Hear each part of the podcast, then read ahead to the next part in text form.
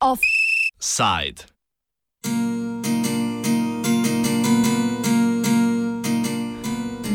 Voli, ne voli.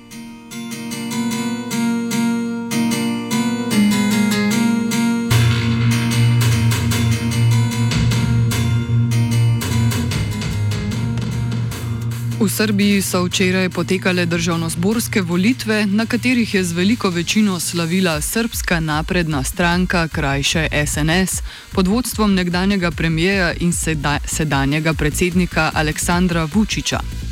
SNS je tako dobila več kot 60 odstotkov vseh glasov, parlamentarni prak pa sta prestopili zgolj dve stranki in sicer Socialistična stranka Srbije, krajše SPS, z dobrimi desetimi odstotki in Srpska patriotska zveza, krajše SPAS, z dobrimi štirimi odstotki. Komentira Dušan Spasojevič, profesor na fakulteti političnih znanosti v Beogradu.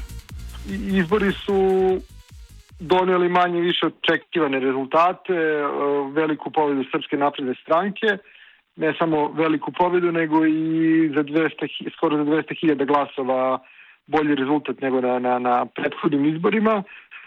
A, pri, dobar rezultat e, Dačićevih socijalista a, i ulazak nove stranke bivšeg Otepolista Šapića u parlament. To je to je tih formalnih stvari, sa druge strane uh, akcenat ja, pažnja javnosti je bila na, na borbi opozicije, sa jedne strane za cenzus, od 3%, sa druge strane borba između onih koji učestvuju na izborima i onih koji su u bojkotu. I tu je ovaj bojkotni deo odneo pobedu jer niko, niko nije prešao cenzus i to je to je u suštini ukratko, ukratko ovaj, sve, sve što ima da se kaže o, jučerašnjim izborima.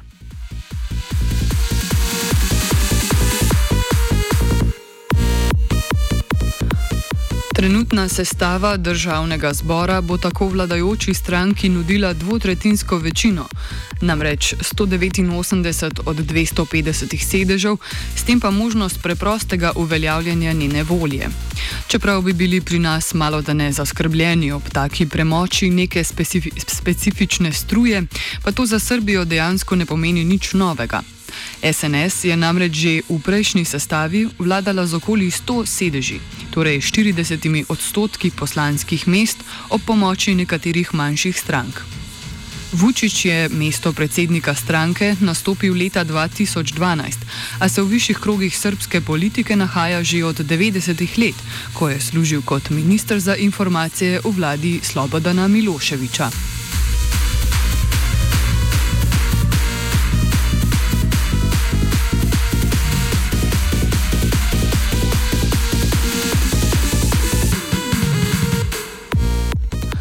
Takemu rezultatu je gotovo pripomogla tudi odločitev večine opozicijskih strank, da bojkotirajo volitve. Na ta način so želele prikazati nesmisel udeležbe, saj je bilo že vnaprej popolnoma jasno, da bo v novič zmagal ravno Vučić. Poleg tega naj bi to vrstno dejanje bodoči oblasti oduzelo legitimnost. Izvoznost je otprilike 10 procesnih poena pala v odnosu na parlamentarni izbori iz 2016. godine, kada je bilo nešto oko 56 procenata, što znači da je u Srbiji uobičajena izlaznost do 60 procenata, u vrlo redkim situacijama je veća od, od, od toga. Ovoga puta mala izlaznost je pre svega rezultat kampanje ovaj, za bojkot, a, i delimično a, koronavirusa i straha građana da se izađi na izbore, kao i te činjenice da smo unapred znali, a, znali pobednika. Znači većinski je to zbog bojkota, a delimično zbog a, odsustva neizvesnosti a, sam, samih izbora i, i zbog korone. Taktiko opozicijskih strank komentira študent novinarstva iz Beograda Lazar Adžić. E, mislim da, ovaj, da su vrlo često ove opozicijne partije i Saveza za Srbiju bile vođene onim rečima Zorana Đinđića kako bojkot izbora ostavlja kratkoročne posljedice i donosi dugoročan dobitak. I mislim da je ovaj, potpuno pogrešno voditi se tom idejom jer ono što se dogodilo onda na bojkotu izbora 1997. godine desilo se previše od 20 godina. Situacija se drastično izmenila. Najpre ovaj, zato što je posle pada Miloševićevog režima očigledno bio upliv ozbiljnog zapadnog kapitala u državu u kojoj je došlo do sloma komunizma. Znači, e, ne možemo očekivati da će se takve stvari desiti ako kad i Vučić padne. Dakle, mora će prilika svaka vlast se mora smijeniti u jednom momentu, jer mislili smo i za Miloševića da neće pasti, pa je trajao 10 godina i pao. Mislili smo za demokratsku stranku da neće pasti, pa je trajala 12 godina i pala je. Tako da pašće i Srpska napredna stranka prije kasnije. Kljub temu, da z bojkotom pravzaprav ni ničesar dosegla, ga opozicija označuje kot uspešnega. Po drugi strani si neudeležbo lahko razlagamo tudi drugače. Ljudje v volitvah enostavno ne vidijo smisla. Več pove Katarina Živkovič, študentka na fakulteti dramskih umetnosti v Beogradu. Nisem išla na izbore. Jaz sem v tej ekipi bojkota, zato što mislim, da nema poente ono, mislim, bukvalno je kao borba sa vetrenjačama, baš nije, nije baš bilo nešto mnogo opcija, ali ne mislim u onom smislu kao ne mogu ja sama da promenim to, već je zapravo većina opozicije je imala taj bojkot izbora zato što se u suštini već iz godinu godinu prikazuje kako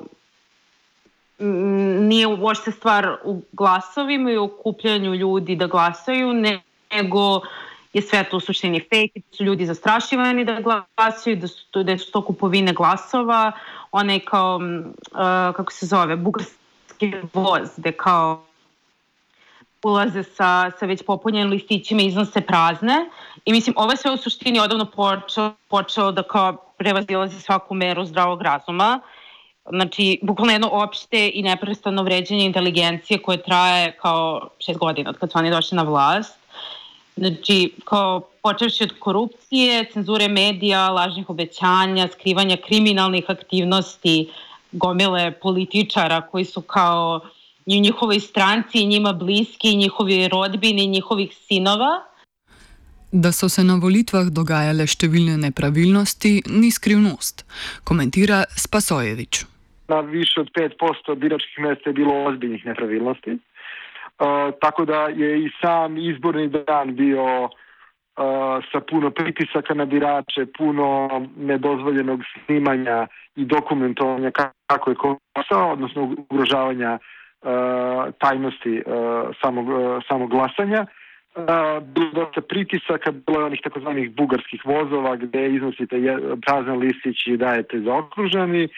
Ovaj, I to je zapravo samo nastavak onoga što se dešavalo u kampanji, a to je veliki pritisak Srpske napredne stranke na jedan deo svog biračkog tela da, da po svakom cenu izađe, izađe na izbore. Tako da ovi izbori definitivno nisu bili slobodni ni pošteni i u ostalom to je to se ne može ni očekivati imajući vidu da je Srbija sad već po velikom broju uh, ovih međunarodnih klasifikacija uh, svrstana u nedemokratske režime, kompetitivne autoritarizme, hibridne režime, zavisi kako koji evoluator to zove, ali u suštini mi, mi, mi u Srbiji više nemamo ni tu minimalnu izbornu demokratiju.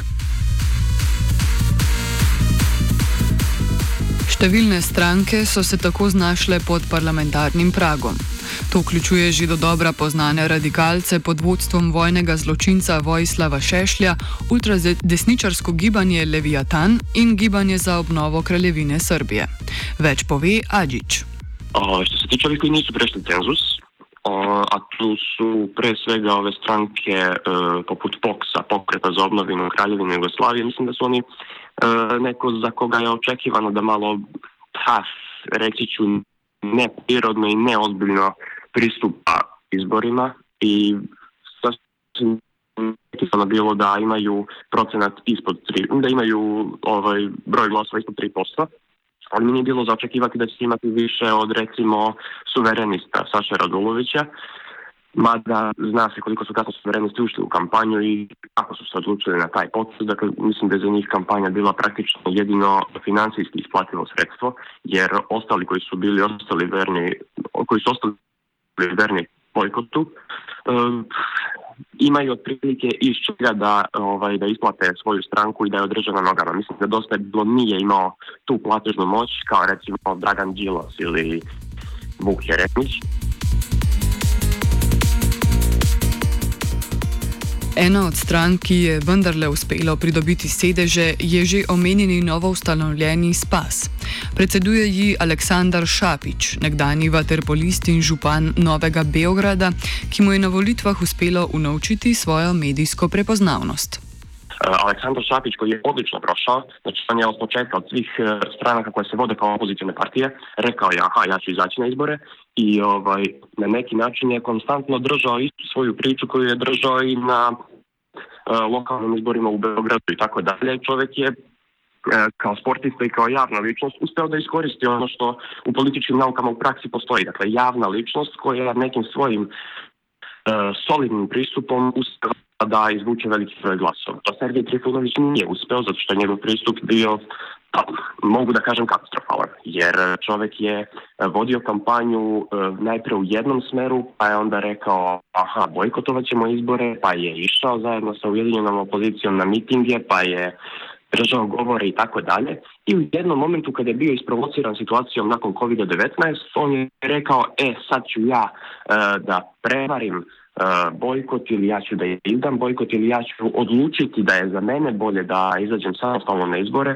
iako je ovaj ušao bukvalno u politiku u dogovoru s Draganom Đilosom i Vukom Jeremićem, što je sam rekao. Znači, to se nigde ne radi. Koliko god da su to prijateljske partije, koliko god da su oni saradnici i prijatelji i tako dalje,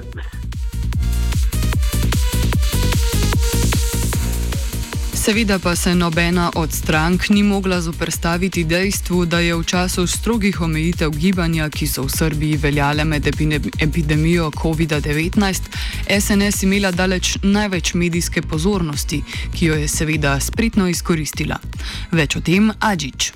Čini mi se, da je potpuno očekivano koji su izborni rezultati, jer definitivno stranka koja se najviše pripremala za ove izbore i od početka do kraja je znala da će izaći na njih, i očekivala veliku većinu glasova na svojoj strani. To je Srpska napredna stranka i potpuno očekivano da su oni pobedili na ovim izborima. Oni su praktično idealno iskoristili ovu situaciju čitavog COVID-19 jer znate i sami ako ste pratili domaće medije na svim masovnim medijima u svim najozbiljnijim i najgledanijim terminima tu su bili ljudi iz Srpske napredne stranke, ljudi iz država su i sada ovaj neko će voditi ovaj računa i kontrolisati čitavu čitavu ovaj moć u našoj zemlji tako da ovaj oni su pravili uglavnom idealne poteze za kampanju svakim momentom. Znači u momentima kada su svi drugi bili oslonjeni na recimo opozicione stranke ove koje jesu izašle na izbore koje nisu bojkotovale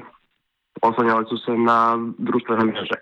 Ovi su imali bukvalno sve kanale na, na, ovaj, na televizijama, na radio televiziji Srbije, na Pinku, na Prvoj, na Happy-u, na B92, tako da ovaj, ništa nije očekivano što se njihovom rezultata tiče.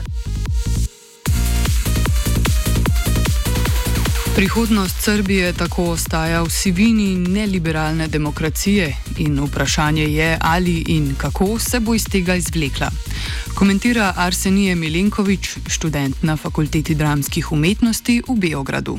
A građani Srbije imaju pred sobom jednu onako dosta bitnu odluku, a to je da li će konačno da dignu glas protiv svega ovoga, da li ćemo konačno posle 30 godina doći do začetka jedne suštinske reformacije i demokratije ili ćemo zauvek ostati jedno autoritarno društvo u kome nam treba neko da viče na nas, jedna onako histerična figura čoveka koji nikada u životu ništa nije radio osim što je bio političar, on sve zna, on najmanje spava, on je najjači, najhrabriji, sve to tako, ali on krade izbore i na nama je da sada odlučimo hoćemo li da skidamo ta govna sa vlasti ili ćemo da sedimo i da ćutimo kako smo do sada uglavnom i provodili svoje vreme.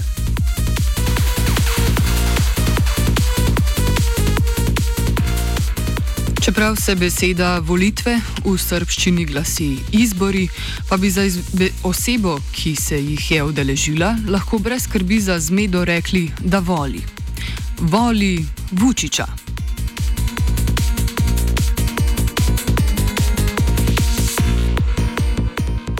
Volitve offsajda je bojkotiral Svetina.